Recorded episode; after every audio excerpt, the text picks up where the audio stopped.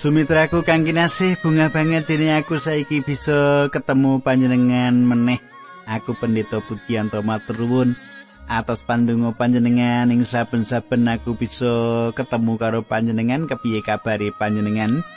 Adicara margi utami bakal bebarengan karo panjenengan ing sawetara wektu iki tak jaluk panjenengan wis nyawisake kitab suci nyawisake wektu kanggo patemon karo aku iki.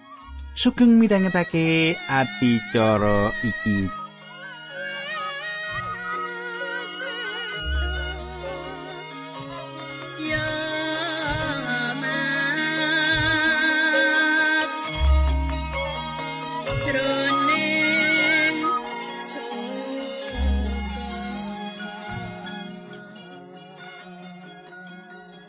Katangku Gusti Yesus ora mung dicedhaki para murid sing setya tuhu nanging uga dirubung wong-wong sing tansah kepingin nyengkolong panjenengane kanthi pitakonan-pitakonan kang jelneh.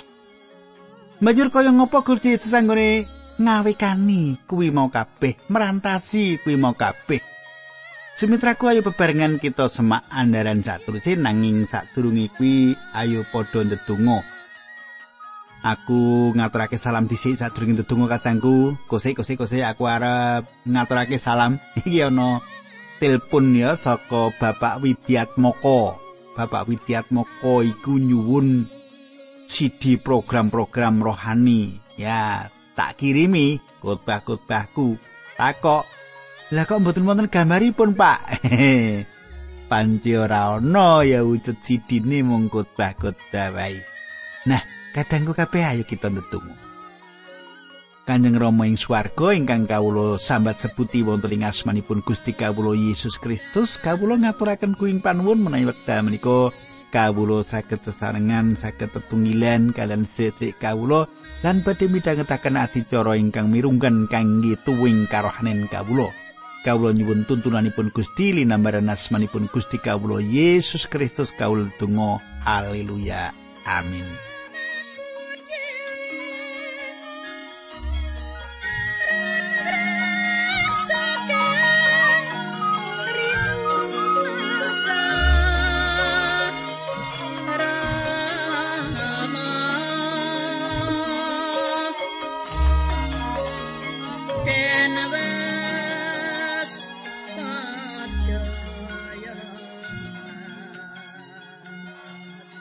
Katangku, wah ora krasa kita wis mlaku adoh. Ing Injil Markus iki dina iki wis ngancik pasal 13. Nah saiki panjenengan semak ayat siji lan sak teruse mengko ya tak wacake ayat siji lan loro. Nalika Gusti Yesus miyos saka pedalemane Allah ana murid sing matur marang panjenengane Gusti, panjenengan kula aturi mirsani ibu indahipun gedhong-gedhong so sela-selanipun. Ayat loro. Gusti Yesus ngendika, "Apa pedalemane Allah iki kok arani indah?" Watu siji wae ora ana sing bakal tetep ana ing panggonane awit saben watu bakal dijugrukake. Sumitraku Gusti Yesus ora mung nampa pitakonan nanging uga mundhut perso marang sing padha takon mau. Ana murid sing nyuwun pirsa bab pedalaman Allah pangirane Gusti Yesus wis ora ngemuti kahanane wewangunan mau. Nuli Gusti Yesus mundut pirsa apa pedalamane Allah iku kok arani indah. Iki ana isi panggulawentah marang para murid ing sakiwa tengen kita. Akeh wewangunan sing gedhe lan indah-indah senadyan hebate dikaya ngopo kabeh mau ora langgeng ana wektu ing besuke wewangunan mau bakal rubuh lan ajur ora ana siji wae watu apa dene bata sing tumumpang siji lan sijine. Ora langgeng. Rasul Paulus nulisake kayekten iku ing loro Korinta papat ayat 12 mengkini surasani sebab sing ndak gatekake dudu barang-barang sing katon nanging perkara-perkara sing ora katon. Awit apa sing katon kuwi anane mung sawetara mangsa nanging perkara-perkara sing ora katon kuwi langgenging selawasi.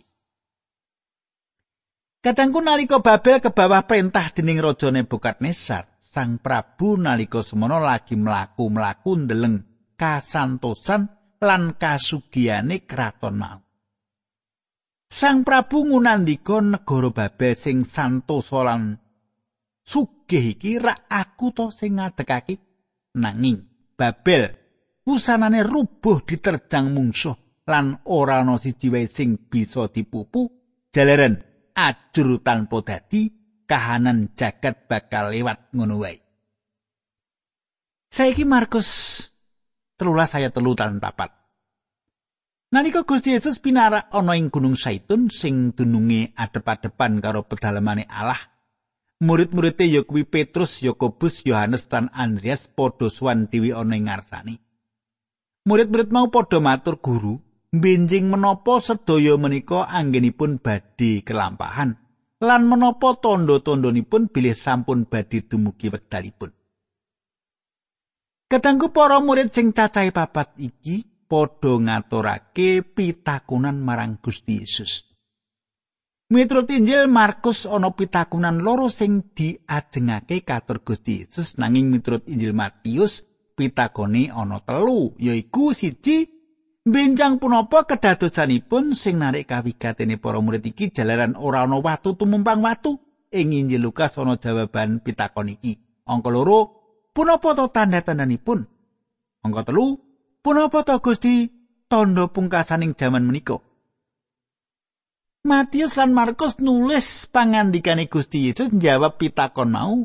Matius nulis luwih akeh tinimbang Markus, mung beda bab sing diterangake panjenengan isih inget yen Injil Markus ditujokake marang wong Romawi, mula Injil Markus tulisane tangsa ana gegayutan karo bab kuasa lan tumindak. Saiki Markus 13 ayat 5 lan 6. Mengkene surasani. Gusti Yesus ngendika padha sing ati-ati aja nganti kena dihapusi ing wong. Bakal akeh wong sing padha teka nganggo jenengku lan padha kondo aku iki panjenengani. banjur padha ngapusi wong akeh. Kadangku ngati-ati. Ngati-ati supaya ora padha kena apus iki terus dibiwarake dening Markus. Maksude supaya ora kapusan dening para Kristus palsu iku. Wah pengetan iki pemut iki isih cocok karo kahanan saiki ya ta akeh ajaran-ajaran sing nyasarake para wong percaya menyang dalan sing ora bener. Ana sing nyebutake yen Gusti Yesus iku dudu juru wilujeng. Ora lair saka perawan Maria ora wungu saka antarane wong mati lan isih akeh meneh. Reka dayane para guru pamblasar amre wong-wong pracaya padha kelangan dalan sing bener. Yen Yesus sing ana jroning kitab suci dudu Yesus sing dijelasake para guru palsu iku Gusti Yesus sing ana jroning kitab suci diwiyosake dening perawan Maryam sing nindakake pangiramiram kanggo mitulungi para manungsa sing nandang kasangsaya. Sedih, susah nandang kasangsaran. Panjenengane sedo kasalip lan telung dina sawise iku wungu saka antarane wong mati iku sing dikandhakake saka kitab suci yen ora ngono kuwi ajaran palsu, ajaran anti Kristus. Siji Yohanes loro ayat 16. Mengkene surasani. Sebab samu barang sing ana ing donya iki sing dipingini wong dosa ya kuwi pepinginaning daging lan pepinginaning mripat. Apa sing diagung-agungake kuwi pinangkane ora saka Sang Rama nanging saka ing jagat, saka ing donya. Kadangku, Dadi kita kudu waspada sebab akeh antikristus sing ngendi lagi golek mangsa diwaspada. Gusti Yesus wis ngingetake kita supaya ngati-ati.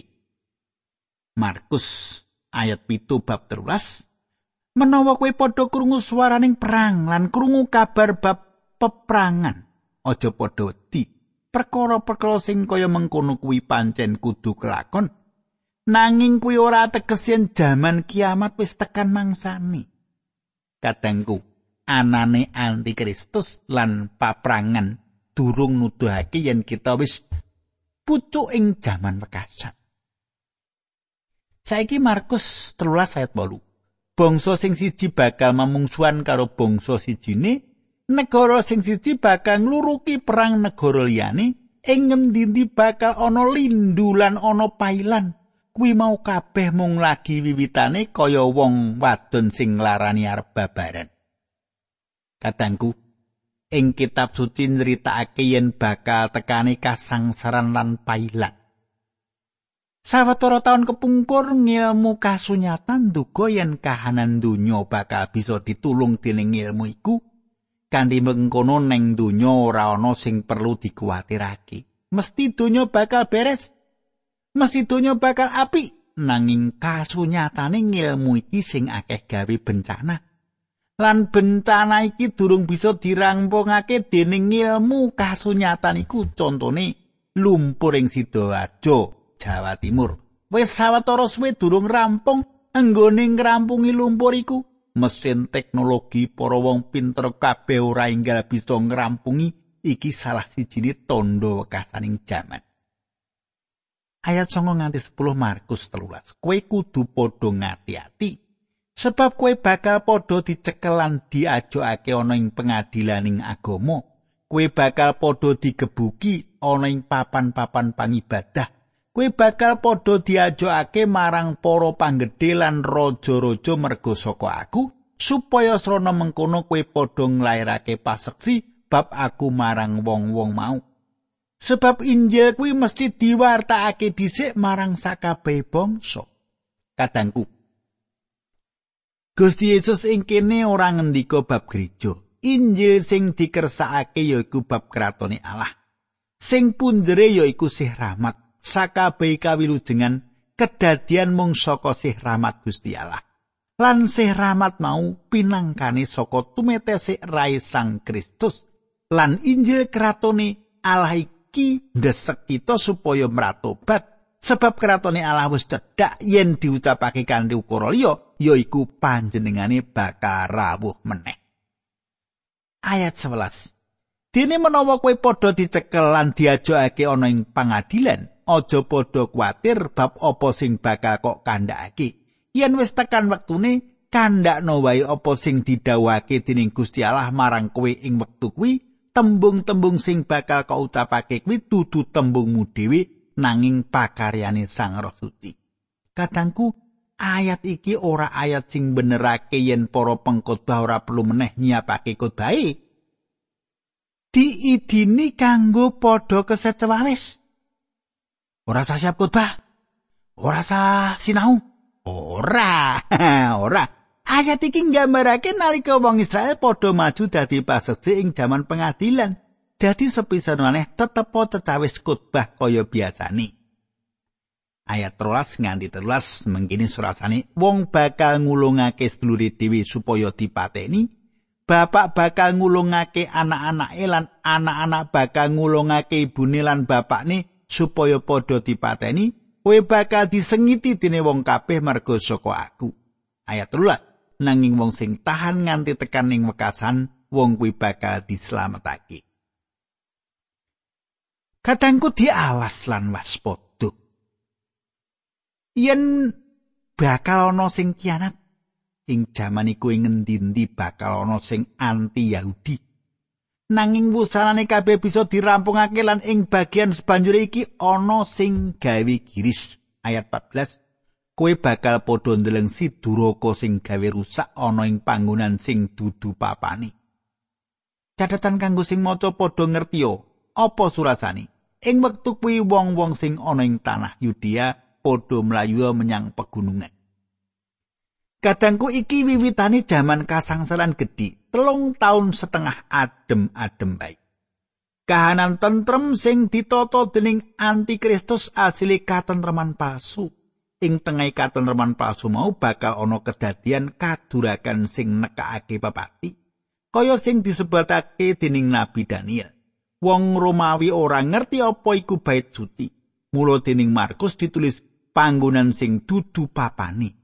iki sing dikarepake ya panggonan sing suci sing disucikake gereja ora duweni panggonan sing suci mulayat iki ora ditujokake kanggo gereja-gereja saiki Markus ayat 15 tekan 16 bab 13 wong sing ana ing payoning omah aja padha ndadak mudhun njupuk apa-apa sing ana ing omah. Wong sing ana ing pategalan aja padha mulih njupuk sandangani katangku. Wong-wong iki ora didini kanggo nggawa barang-barangi kudu enggal mlayu ngedoi kahanan iku. Ayat pitulas nganti ayat selikur. Mengini surasani Ibu anggone ngegirisi ing dina-dina kuwi tumrape para wong wadon sing lagi padha mbebet win ing ngatasé ibu-ibu sing padha nusoni bayine. Padha nyuwuna marang Gusti Allah supaya lelakon-lelakon sing mengkono kuwi aja nganti kelakon ing mangsa rendeng.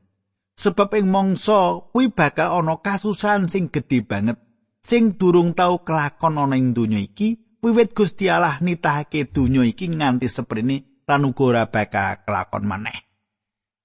Saupama Gusti ora ngungkret mangsa kasangsaran mau mesti ora ana wong siji wae sing bakal slamet nanging mergo saka umat pilihane Gusti Allah nyendhakake mangsa kang sasaran mau. Ayat 21 Yene wektu kuwi ana wong kondo marang kowe delengen Sang Kristus ana ing kene utawa yen ana sing kondo lakai panjenengane ana ing kono kowe aja padha ngandel. Ayat 23 sebab Kristus Kristus palsu lan nabi-nabi palsu bakal padha muncul kuwi bakal padha gawe mukjizat-mukjizat sing setiane yen bisa arep ngapusi umat pilihane Gusti Allah.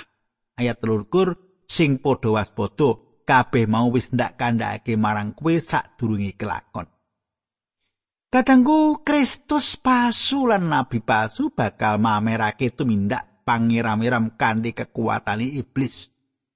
Rawe Sang Kristus sing kaping pindho bakal dibiwarake nalika tekani petenging dedet limengan sing nutupi jagat nutupi bumi. Kedadian iki ngganepi wecanane Nabi Wel ing bab loro ayat 12 Sawise mengkono aku bakal ngesake rohku marang saben wong anak-anak mulanang lan wadon bakal padha medar wangsit. Wong tuwa-tuwa bakal padha ngimpi lan wong nom-noman bakal padha weruh wahyu. Ayat 29 Ing wektu kuwi aku bakal ngesokake rohku senadan marang para batur tukon pisan lanang lan wadon. Ayat 30 lan 31 aku bakal nganakake pertondo ana ing langit lan ana ing bumi bakal akeh getih kawutahake bareng karo anane genilan kumeloning kukus. Ayat 31 lan 32 Ing kono srengenge bakal dadi peteng lan rembulan dadi abang kaya getih sadurunge tekane dinane pangeran sing gegirisi. Nanging saben wong sing nyuwun marang pangeran bakal kapitulungan rahayu kaya sing wis dipangandikake dening pangeran. Ing Yerusalem bakal ana ing wong sawetara sing bisa oncat lan wong sing ndak timbali bakal kaentas ayat 24 nganti 17 Sawise mangsa kasusan mau srengenge bakal dadi peteng lan rembulan ilang padangi. Lintang-lintang bakal padha tiba saka ing langit lan kaanan ing sakor bing langit bakal kisruh ora karuan ing wektu kuwi putrane manungsa bakal ngertingal ing mega ngagem kamulyan lan pangwasa. Panjenengane bakal ngutus malaikat-malaikate supaya ngumpulake umat sing pinilih saka kiblat papat ya kuwi saka tapel watesi bumi sisih tekan sisi sumitraku. Prastawa iki dudu sumengkane pesamuan. Kristus ora bakal ngirimake malaikat kanggo nindakake iki. Nanging bakal ketemu Sang Kristus piyambak bisa panjenengan waos ing siji Tesalonika papat ayat telulas nganti wolulas. Bagian ayat-ayat iki mbeberake prastawa sawise kedadian mangsa kasusan gedhe. Ya kahanan iki sing dadi tandani Kristus bakal rawuh sing kaping pindho. Rawuh kanthi kamulyan lan minangka hakim agung. ayat 28 lan 29 padha sinau saka kaanan wit anjir menawa epange padha ijo-ijo lan memes sarta wiwit semi kowe padha ngerti yen wis meh mangsa panas. Mengkono menawa kowe padha weruh perkara-perkara mau kelakon kowe padha ngerti yen wis tekan wektune panjenengane rawuh. Kadangku wit ora wit anjir iku gambaran mungguing bangsa Israel Saora-orane bangsa Israel dadi tondo pangukur wektune Allah. Dawe kita kudu tansah ndeleng kahanane wit ora anjir Allah ora ngagem ukuran wektu nganggo jam utawa arloji sing merke kondang. Markus 13 ayat 30 Podho ilinga wong-wong sing saiki isih urip bakal isih padha ngalami lelakon-lelakon mau. Kadangku kita para manungsa ing jaman iki becike nganggo paugeran bangsa Israel. Senajan ora akeh cacahe disengiti dening sebagian bangsa ing bumi sing cacahe tikal matikel.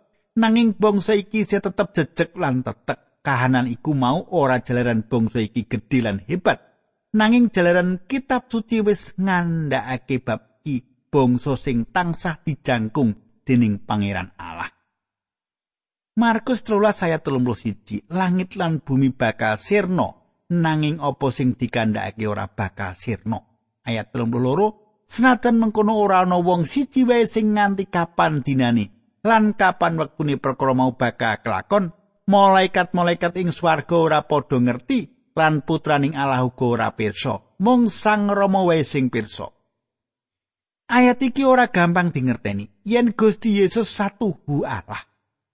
Ora gampang diarah yen panjenengane nganti kuranging pengawasane nganti ora pirsa kapan prastawa iki kedadian jalaran Kristus sing jumeneng abdi kudune ora mbuka apa sing sumerapi dening bendarani. Nalika Gusti Yesus manjalma dadi manungsa uga manjalma sakputuhe dadi manungsa. Nalika panjenengani manjing dadi manungsa ora dadak bisa rawuh ing ngendi-endi panggonane wektu sing bebarengan. Saiki Markus 13 ayat 33 nganti 37. Mengkini surasane mulane kowe kudu tangsan jaga-jaga lan waspada sebab kowe padha ora ngerti kapan wektune. Ibarat kaya wong sing ninggal omahe lunga menyang papan adoh, wong mau ndawi abdi-abdine supaya ngurus omahe, siji-sijine padha diparingi kewajiban dewi-dewi. Sing dipatah jaga gapura oleh njaga supaya sing tememen. Mulane kowe kudu tansah siaga sebab kowe padha ora ngerti kapan muliye sing duwe omah mau. Bisa uga sore, bisa uga tengah wengi, bisa uga esuk umun-umun, bisa uga bareng-bareng karo mlethek srengenge. Semongso-mongso sing duwe omah mau teko aja nganti kowe ketemu lagi turu. Kabeh sing ndak kandhake marang kowe iki uga ndak kandhake marang wong kabeh padha jaga-jaga lan sing waspada.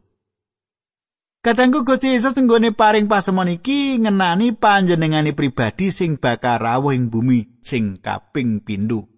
Mesine kita kabeh padha duweni tanggung jawab matur ing ngarsane apa sing wis kita tindakake kanthi jujur. mesine kudu kanthi jujur sumitraku kanggo nungsung rawe Gusti kita. Ayo tansah siaga ing ati lan batin kita. Kanthi pangarep-arep ora wedi lan ora kuatir jalaran Allah kita tansah luber ing katresnan jati. Semene dhisik aturku muga panjenengan kaberkahan monggo kita tutup kanthi pandonga.